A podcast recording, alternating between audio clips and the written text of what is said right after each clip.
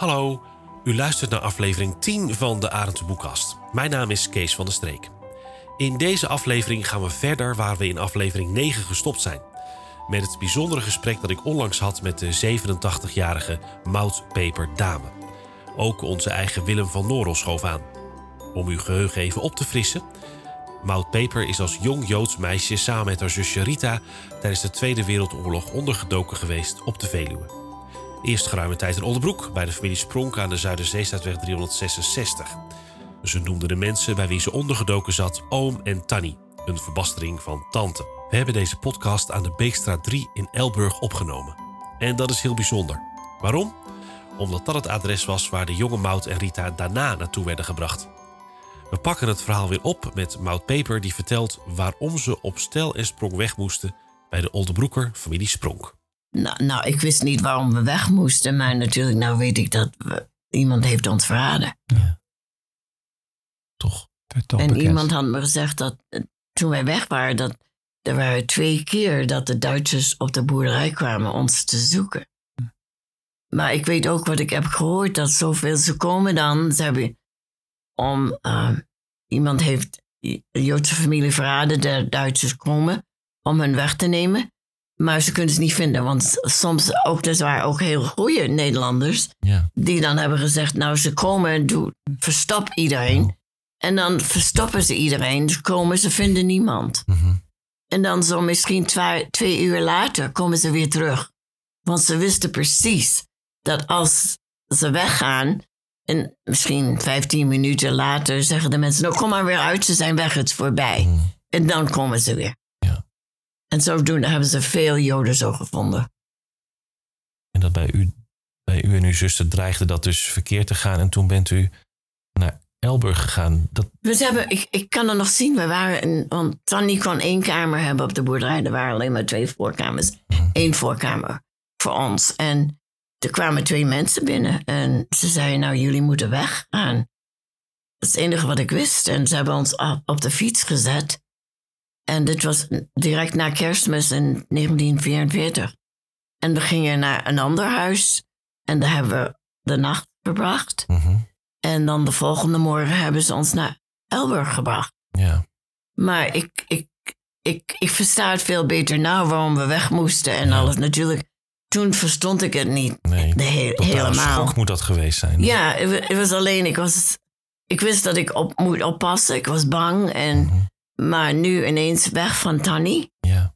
Uh, was erg, maar weer was een goede familie. Ja. Want waar kwam. Het ja. is wel bijzonder, want u kwam. We, we, nemen het op aan de, aan de Beekstraat 3 in Elburg. En u kwam hier in dit pand kwam, u, kwam u terecht. Hoe bijzonder is dat? Uh, en u kwam weer bij een goede familie. Kunt u daar wat over vertellen? Wat waren dat voor mensen? Het was de familie Westerink. En ze hadden een dochter, Jo, Johanna. Ik weet niet precies hoe oud ze was, meer dan 20, 24. 24. En um, zij ging met, met Rita en ik. En nou konden we de taal, de dialect. Ja. We waren gekleed met, met, met uh, klompen en precies hetzelfde als iedereen. Ja. Zo dan mochten we buiten zijn. Maar zij neem, nam ons altijd mee hier naartoe, daar naartoe. Zij was onze grote zus. En ze vertelde me één keer dat ze bij haar en een van haar vriendinnen ging ze naartoe en had ons meegenomen. En er was een oud stel daar, een man en een vrouw oud. En ze zegt, die mensen keken ons de hele tijd aan. En keken ons aan. En toen heeft, en ik was natuurlijk, nu was, mijn naam was nu Marie Hogendoorn. En um, hebben ze, heeft ze uitgevonden na de, heeft Jo uitgevonden na de oorlog dat was, die mensen woonden op de Regentesselaan in Amersfoort en kenden ons. Nou, en ze keken al eens een paar jaar ertussen. Zo, we zien er een beetje anders uit. En daarom keken ze de hele tijd. En denken, nou, zijn dat de pepermeisjes? En, uh, maar uh, zo, Jo kenden we het, het beste. Mhm. En ook, ook jaren, toen ik hier weer kwam, jaren na de oorlog, gingen we altijd voorbij om haar te zien. Ja.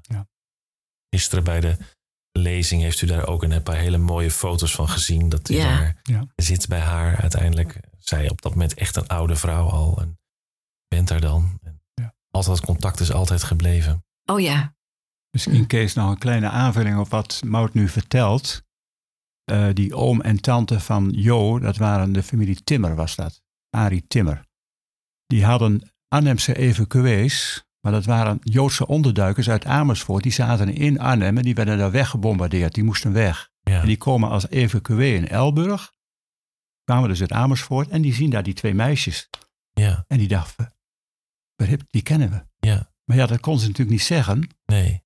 Dus jullie waren op de vlucht vanuit Amersfoort via Oldenbroek. En dit waren mensen uit Arnhem die toevallig in Elburg deze twee meisjes weer ontmoeten. Je hebt het wel eens over een kleine wereld, maar dat past dan toch wel een hele kleine wereld dat je mhm. elkaar nou, op dat moment tegenkomt. Ja. Dus u, u, u, was hier in de binnenstad. Nu weten we ook achteraf natuurlijk dat er hier in de binnenstad, ook in de Beekstraat, meerdere onderduikers, kinderen hebben gezeten. Was daar contact? Wist u dat? Hoe? Nee, helemaal niet. Nee. nee. We konden naar buiten gaan en spelen met andere kinderen. En, ja. Maar nee, ik had geen idee. Nee. En in die tijd was het dus met die enorme toevloed van die Arnhemse evacuees viel dit niet op. Nee. Dat is ook weer een geluk bij een ongeluk. Ja. Dus vanaf september 44, toen die grote stroom kwam van vluchtelingen, loste dit gewoon vanzelf op. Die kinderen vielen helemaal niet op. Nee. Tenzij je er heel Joods uitzag. Ja. Want Leni Duizend zag er echt Joods uit. Ja. Die moest heel voorzichtig zijn. Ja. Maar ik weet niet, hadden jullie echt een Joods uiterlijk niet echt, hè? Nee, het enige, mijn zuster was blond. Ja. Ik was uit zwarte haar. Want de, de, er was een vissersfamilie waar u terecht kwam. Ja. Dus de paling was, was zeer voorradig. Wel, in die tijd was niks te eten. Het was de hongerwinter. Ja. In, uh, in, Nederland. En uh, zo hebben we... Hij ging elke dag vissen. Hm. En dat hebben we gegeten. En hm. ook... uh, net toen ik weer binnenkwam in Elburg... ging voorbij de bakkerij. Die was er al in die tijd ook. En ik, ik zie nog alle mensen buiten staan om een stukje brood te krijgen voor hun familie. Ja, en dan om nog even terug te komen op die Arnhemse familie die ja. Mout ontmoet heeft. Die kregen op een bepaald moment ook paling voor. Ja. Toen zeiden ze dat lusten we niet. Mm. En een aantal weken later kregen ze een stukje varkensvlees, carbonade, lusten ze ook niet. Nee. En toen viel het op want ze hadden niet verteld dat ze Joods waren. Dus toen dachten ze, oh, dat is alle twee niet kosher. Ja. Nou, jij wist natuurlijk niet dat paling niet kosher was. Dat wist je niet. Nee. Maar jouw ouders, hebben die ook een beetje naar de Joodse wetten geleefd? Nou, we hadden een kosher oh, toch wel. Maar mijn grootvader, die, die uh, was, uh, toen zij kwamen, naar we altijd een kosher huis gaan. Ja. Niet na de oorlog, maar voor de oorlog. Okay. Voor de oorlog wel. Na de oorlog hebben jullie dat niet meer gedaan? Nee, nee, helemaal niet.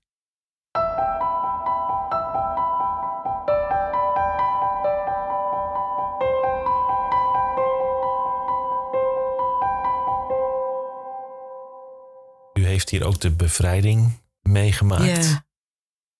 Ja. Vertel daar eens over, hoe was dat? Dat is een dag die zou ik nooit vergeten. We hadden gehoord natuurlijk dat uh, Zuid-Nederland was al bevrijd, maar wij waren Noorden waren nog niet. En hebben gezegd, nou, de soldaten komen, ze zijn doorgebroken en ze komen naar het noorden. Ja. En dan hoorde zij, oh, zoveel waren in één dag, zeiden ze, nou, ze hebben net uh, de stadje voor Elburg bevrijd. En ze komen. Zo iedereen was zo blij.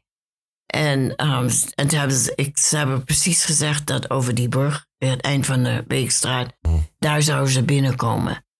En, um, en al de, al de uh, soldaten gingen weg. Mhm. En iedereen had een vlag buiten en we zijn al. Um, en, maar ze hadden gezegd, Jo had gezegd, ik kon niet kijken, want ze waren bang of er nog schieterij zou gebeuren en alles. Maar ik heb stiekempjes toch gekeken. Want ik kon uit een hoek van het raam kon ik precies die brug zien. Ja. En ik weet het nog precies. En eens komt een vrachtwagen met, met open vrachtwagen met mannen in blauwe pakken. Ja. En die gaat zo gaat over de brug. Dan gaat rechtsaf en stond precies voor tegenover ons huis aan de andere kant van de beek. Ja. En direct daarna kwamen die grote tanks binnen. En toen kwam iedereen naar buiten. En iedereen, het was, oh, het was zo mooi. En al, altijd als ik daarover praat, dan, dan voel ik dat. Want het was geloof de, de beste dag in mijn leven. Ja. Die dag. En, en als ze wisten dat wij allemaal zo zoveel honger hadden. Want er was geen eten. En dan hebben ze ook hun rations. De soldaten eten dat ze hadden, hebben ze uitgegooid aan mensen. En ook chocolade, maar ik wist niet wat dat was. En Jo had chocolade. Ze had één gepakt en ze had het in haar hand. En ik, ze wilden mij geven, maar ik wist niet wat dat was. Zo so, heeft ze het papier eraf genomen en nou is het bruine ding op haar hand. Want ik natuurlijk hadden geen, geen snoeps at all. En toen zegt ze, nou, ik wou het nog niet hebben. En ze, heeft dan een stuk afgebroken en in mijn mond gestopt. Ik zeg, oh, dat smaakt echt lekker. Ik hou van chocolade. En zodoende is de naam van mijn boek Chocolate, The Taste of Freedom. Ik begin nu over het boek, is natuurlijk heel belangrijk. En daar wil ik ook met u even over doorspreken. Want daar zei u gisteren ook iets over wat mij wat trof. Want u, we hebben het net over het moment gehad van 1981. Hè, dat, dat u zei, ik moet, ik moet daar iets mee. Uh, wanneer bent u dat boek gaan schrijven? Wanneer bent u het aan papier gaan toevertrouwen? Ik heb lang gewacht. En, en Stockton University had iemand die helpt uh, survivors helpt om ja. de boeken te schrijven. Ja. Zo eindelijk hebben ze gezegd nee. En dat was alleen maar wat vijf, zes jaar geleden dat ik dan ben begonnen. 2015. 15? Ja. ja. En uh, zodoende is dat boek dan uitgekomen. Ja. Maar het is heel populair in Amerika ook. Um, want de scholen gebruiken het. Ja. En, um, maar ik, en ik was op één school oh, een paar maanden geleden. En ik geloof was vijf en zesde klas. Mm-hmm. En ze hadden al mijn, allemaal hadden al mijn boek gelezen. Mm.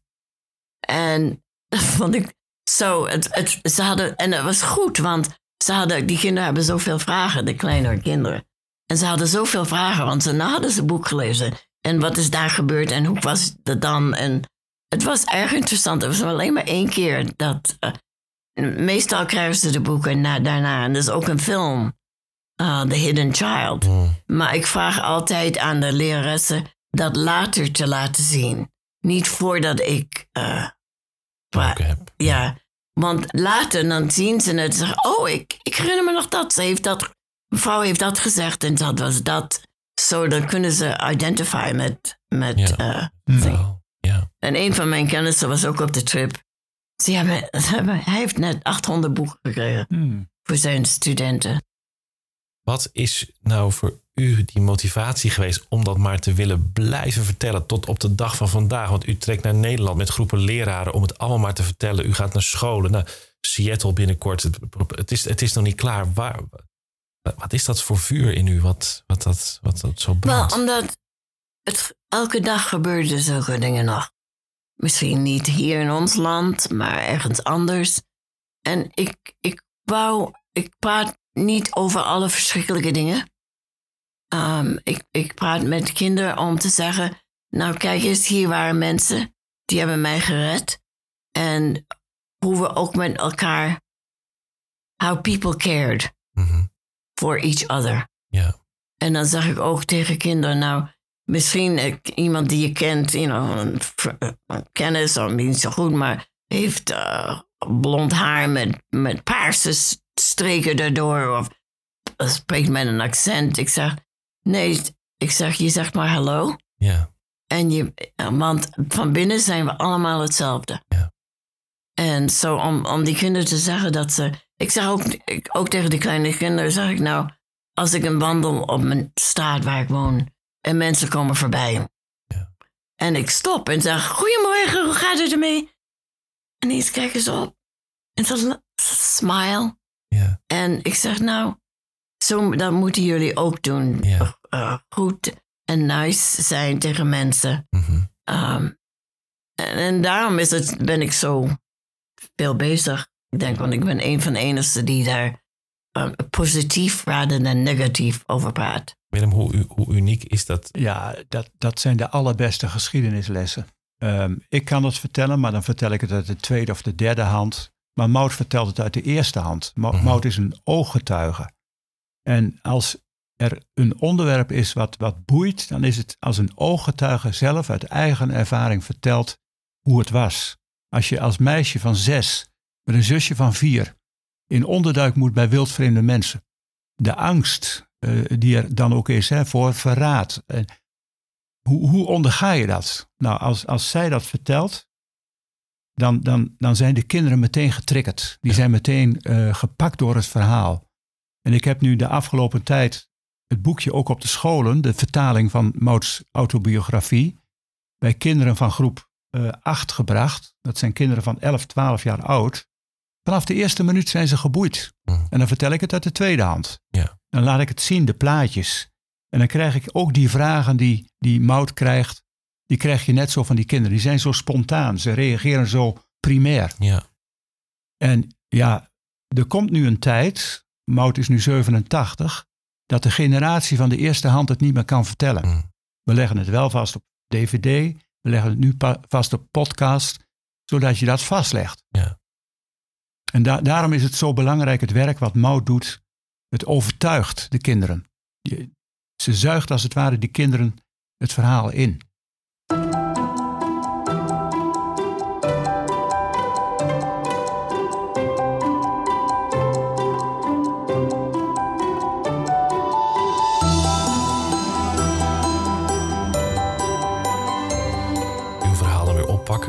Gebleven bij de bevrijding, dat fantastische moment van die, van die chocola. Daarna bent u teruggegaan naar Oldebroek. Ja, ze zeiden we zullen weer teruggaan naar, bij, bij Tanny mhm. om te wachten of mijn ouders nog, uh, of mijn ouders nog overleefden nog. Mhm. En toen, uh, Jo vond dat zo erg. Later heeft ze me verteld. Jullie waren mijn zusjes en je moest weg. Waarom kon je niet bij ons blijven? Maar toen zijn we teruggegaan naar Tanny. Ja. Ja. Hoe hebben uw ouders vanuit Amersfoort jullie in Oldebroek teruggevonden? Wisten ze dat jullie daar zaten? De verzet, die wisten precies waar we waren. En hebben hun gezegd waar we waren. En dat was natuurlijk moeilijk na de oorlog. Want niemand had auto's. Hmm. Hebben ze, ge, you know, gelift. gelift. Ja. Helemaal van, tot waar wij waren. Hmm. U beschreef gisteren heel ja, ontroerend dat wel moment dat je dan je ouders terugziet na al die jaren. Wat gebeurde daar? Wel, ik, ik wist natuurlijk, niemand heeft wat iets gezegd tegen mij. Ik herinner me niet meer dat mijn ouders nog leefden. Maar um, ineens, een, we hadden een, een waterpomp en we hadden een deur naar buiten en een deur naar de schuur. En ik, ik zie ons nog bij de deur staan van de schuur met Tanny. Rita en ik waren achter haar en ze heeft een hele kostuum. En er stond meneer en mevrouw in die andere deur van buiten. ik had geen idee wie die mensen waren. En toen heeft ze me gezegd, Mout. Ze gaf me een, een, een zetje. Een duw. En zegt, ga dan naar, dat is je mommy en je daddy. Geef haar de hand. Heb ik gedaan, weer terug naar Tony. Hmm. Want ik kende die mensen niet. Nee, nee. Want inmiddels was het 1945 en was het 42 in de onderduik gegaan. Ja. Dat is op een kinderleven, toch een eeuwigheid. Ja. Maar mijn, ouder wist, mijn ouders wisten in, um, het zou misschien februari, maart geweest zijn in 44, dat wij nog leefden. Want ik had een briefje geschreven. Ik niet, maar iemand had het geschreven en ik heb, ben erover gegaan met, er was een potlood. En ze zijn erover gegaan en hebben ze me een pot inkt gegeven en een pen. En ik moest uh, gewoon dan. overtrekken. Overtrekken, al de letters. Ik wist niet wat het zei. Mm. Wat, en dat hebben ze dan een paar maanden. En, en, ik weet precies wanneer, want ik heb geschreven dat oom, oom, oom is gestorven. Zo, en ik wist dat was januari 1944. Ja. Maar ik heb dat briefje, oh, misschien 20, 30 jaar na de oorlog, heeft mijn moeder dat, me dat briefje gegeven. Ja. Het is bij hun aangekomen waar ze ondergedoken waren. Zo ze wisten dan in maart of 1944 dat wij nog leefden. En dat briefje, waar ligt dat nu? Oh, dat briefje heb ik gegeven aan de Holocaust Museum in Washington, D.C. Ik heb kopies daarvan, maar die echte heb, heb ik aan hun gegeven. Ja. En het is uniek dat het briefje bewaard is gebleven. Hè? Want normaal zou je moeder het bescheuren moeten uit nee, veiligheid. Ja, ze heeft het bewaard en ze had me nooit dat verteld. Nee. Ik was al getrouwd en uit kinderen en ze geeft me dat briefje. By the way, ik heb nog een briefje ja. Ja. ja. Bijzonder, hè? Ja, heel bijzonder. Heel bijzonder. Want U bent na de, na de oorlog naar, uh, naar Amerika uh, geëmigreerd, Ja. 1950. 50, ja, die 50. Daar verder uw leven, ja, leven opgepakt en daar eigenlijk daarna 30 jaar niet over die oorlog, oorlog Ik, gesproken. ik heb niks gezegd. Nou, mijn man wist het, mijn kinderen wisten het. Mhm. En, uh, en het- zo'n artikel was in de, in de krant. Politics makes strange bedfellows. Ja, Uh, toen de scholen ook. En ik was al in, uh, op bestuur van de, van de HBS. mhm, Zo de leer, leraar. Oh, dat wist ik niet van jou. Nee. Zo één dag zei een van die leraressen, zegt nou, kan je naar mijn klas komen? Dat is de eerste keer dat ik dat deed. En heb ik, en mijn twee kleine dochters waren nog waren op die school, is HBS. En ze zei, ah, ik zeg, nou, ik kom morgen naar je school. En ze waren een beetje verbaasd. En ze- ik had het gevoel, ze wou niet hebben dat ik daar naartoe ga. Hm. En ik ben toch gegaan. En die waren tweelingen. Die mocht, mijn jongste kinderen waren tweelingen. En, maar die konden niet in dezelfde klas zijn. Ik heb Nee. gezegd, nee, je moet... Ik wil ze- ja, En het was de enige klas waar ze samen waren. Zo, ik kwam binnen en ik zie ze alle twee daar zitten. en daarom wou ze niet hebben dat ik kwam. nee. En zo is het begonnen. Ja. Tot op de dag van, eh, van vandaag.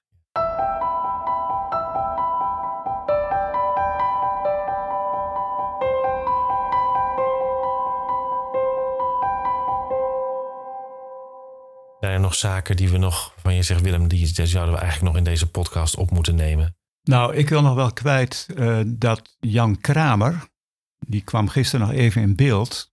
Die was hier consul, Jan leeft helaas niet meer, Mhm. van de Oorlogsgravenstichting. En die Ja. belde mij op en die zegt, Willem, heb jij tijd? Ik praat over ruim twintig jaar geleden. Mhm. Want er komt een heel bijzondere mevrouw uit, uit Amerika. Ja. Met studenten en vooral docenten. Studiereis naar Europa. En die komen ook in Elburg en het is een zekere Maud Peper. ja.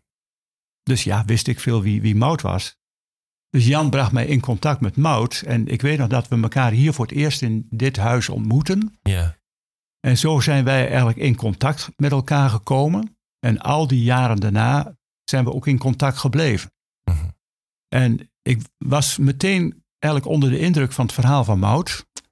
En eh, Jan Kramer heeft daar een belangrijke rol in gespeeld. En Richard en, en, en Bea. En zo ben ik dus in dat contact gekomen. En zo is het gebleven tot de dag van vandaag. ja. Ik ben heel blij dat Maud weer terug is in Europa. Want de afgelopen twee, drie jaar kon het niet vanwege de beperkingen met corona. Mhm. Maar dat verhaal van Maud heeft me altijd zo geboeid en zo geraakt. Dat gisteravond, toen schoot ik ook vol, toen stond ik daar. En nu heb ik het verhaal van Maud twintig keer gehoord. Ja. En het ontroert me iedere keer. Ja.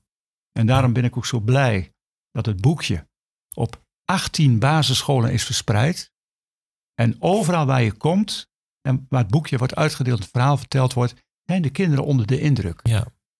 En ik denk dat het heel belangrijk is wat, wat Maud doet. Zij brengt het verhaal, dat vertelt ze, dat deelt ze, dat shared ze Ja. met anderen. Ja. En dat is ook de opdracht die Jules Schelvis ons gaf. Je moet het verhaal van je voorgeslacht en wat je hebt beleefd doorvertellen aan de toekomende generaties. Want een volk zonder kennis heeft geen toekomst. Kennis is zo belangrijk. Je hoort je geschiedenis, je hoort je verleden te kennen. En dat, daar is zij een ambassadeur in. En ik, eh, ik was ontroerd dat ze me toen die autobiografie hier in de kerk gaf. Mhm. Die heb ik in één ruk uitgelezen, nog een keer gelezen. En later dacht ik, dat moet vertaald worden. Ja. Nou, dat is het uiteindelijk geworden. Met een andere voorkant dan de Amerikanen wilden. maar ik vind het nog, de iconische foto vind ik nog altijd die twee onschuldige, lieve meisjes in Oldebroek. Het moet geweest zijn in 43. Daar staan die meisjes. En ze hebben het alle twee overleefd. Ja. En dan heb ik nog één vraag aan, aan jou, eh Maud. Rita, die is daar niet zo mee bezig geweest, hè?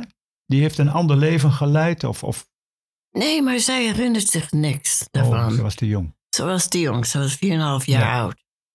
Toen we ondergedoken gingen. Zo. En ik was haar moeder. En ik zei ook niet veel om, om haar bang te maken. En, maar ik, ik moet iets tegen jou zeggen ook, eh, Willem, dat ik vind het zo mooi dat het boek nou ook in Nederland is. En het hoort in Nederland te zijn, want het speelde hier af. En, uh, en ik ben zo blij daarmee. Ik weet dat ze een beetje problemen hadden met de voorkant van het boek. Ja. Maar ik heb ze convinced dat zo zou het zijn. Ja. En uh, zo, ik, ik vind het zo. En ik, ik vind het ook zo mooi, want veel van die kinderen kunnen, uh, omdat het hier speelde, dat, oh ja, mijn grootvader woonde op een boerderij daar dichtbij of zo. Ze kunnen daaraan, um, ik weet niet hoe je noemt.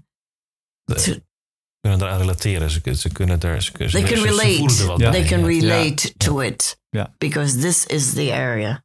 Ja, dat had ik in Oldenbroek met een jongetje die meteen zei: Oh, die boerderij ken ik. Dat is een paar huizen verder. Ja. En die wist niet wat zich daar had afgespeeld. Dus jochie ging meteen lezen. Ja. Dus ja, dit, dit vond ik ook zo bijzonder.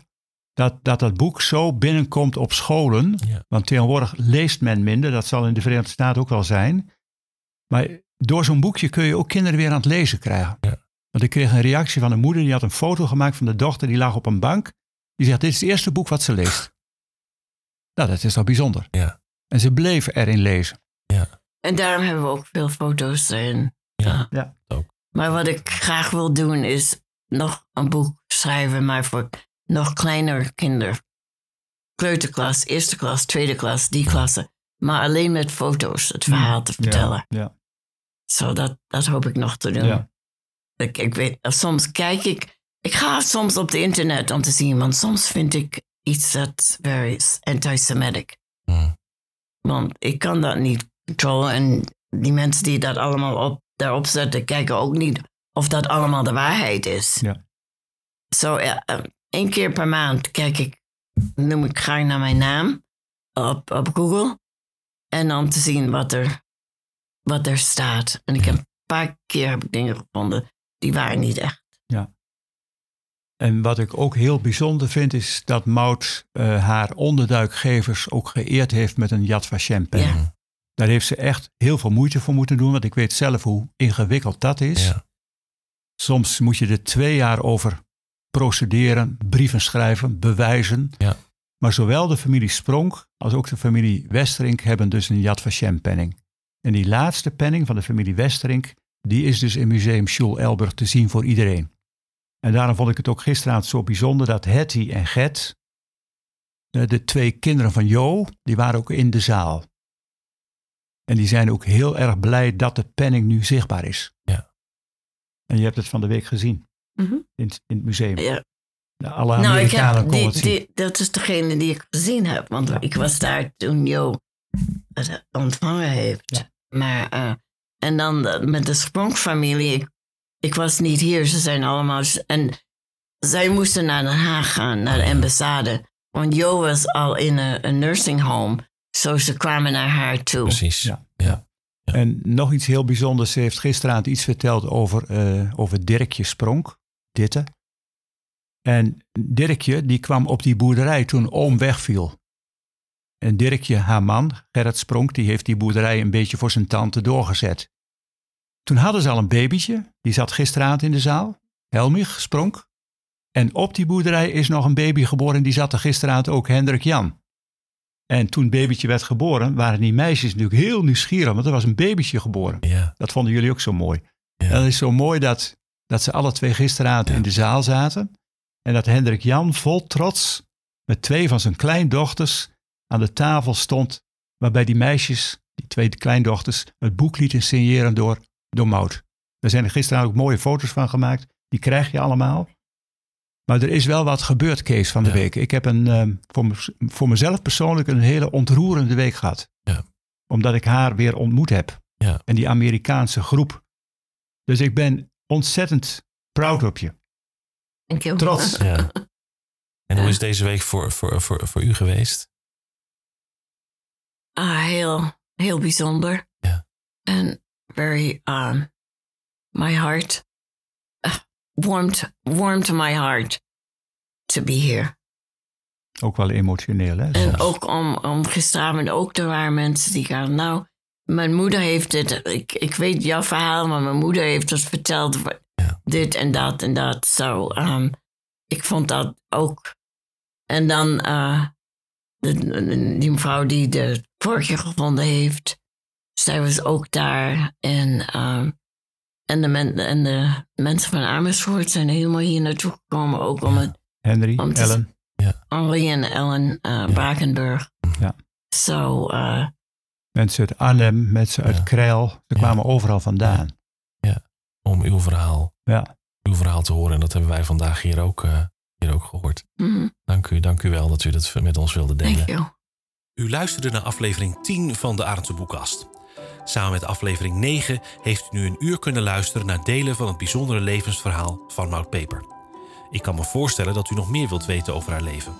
Op het internet is daar veel over te vinden. Zo is er de lezing van 28 juli jongsleden in de Vechten onder Broek en de Engelstalige documentaire The Hidden Child. De links hiernaar vindt u in de show notes bij deze aflevering. Show notes zijn de stukjes informatie die u vindt als u in uw podcast-app op de betreffende aflevering klikt.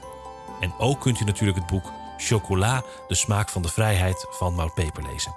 Het is te verkrijgen via Arendse Boekop. Wilt u reageren op deze podcast? Doe het dan via de Facebookpagina van Arendse Boekop of mail naar podcast.arendseboekop.nl. Dag!